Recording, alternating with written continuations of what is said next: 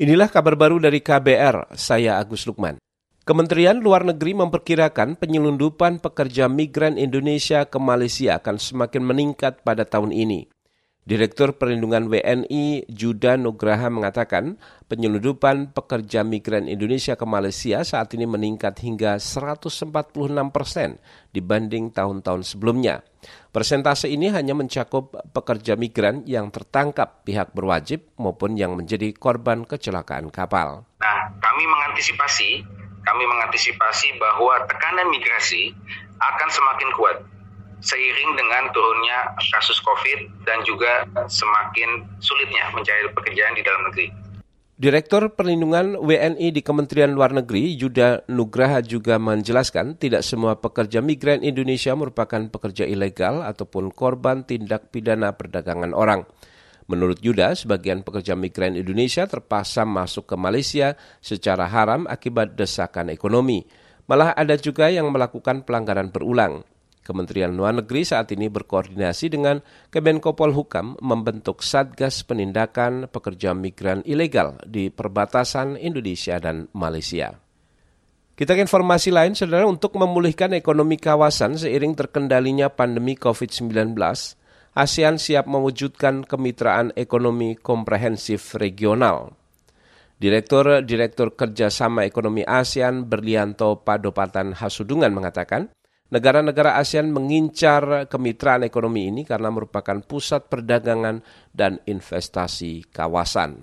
RCEP merupakan pasar yang besar bagi perdagangan dan investasi karena merepresentasikan 30,2 persen dari PDB dunia, 27,4 persen perdagangan dunia, 29,8 persen arus investasi global, dan 29,6 persen total populasi dunia.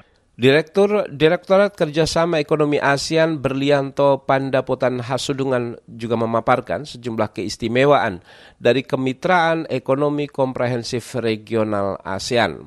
Di antaranya menurunkan tarif barang yang diperdagangkan hingga hampir 100 persen, memperkuat ASEAN sebagai pusat produksi dunia, dan membuka kesempatan mobilitas tenaga kerja.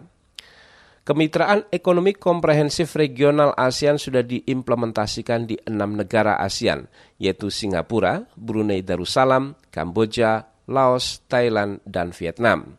Begitu juga empat negara mitra yaitu Jepang, Tiongkok, Australia, dan Selandia Baru. Indonesia bersama Filipina kini masih dalam proses meratifikasi kemitraan ekonomi tersebut. Kita informasi lain, saudara ajang balap mobil listrik Formula E di Jakarta diyakini akan membawa kegembiraan sekaligus tantangan tersendiri bagi para pebalap. Menurut CEO Formula E Jamie Regli, kehadiran sirkuit baru di Jakarta justru baik untuk menguji kemampuan para pebalap. Dari segi desain sirkuit, Jami menilai sirkuit Jakarta sepanjang 2,4 km cukup cepat dengan banyak tikungan bagus yang seharusnya begitu seru. Ada 18 tikungan di sirkuit yang di antaranya menyajikan pemandangan laut.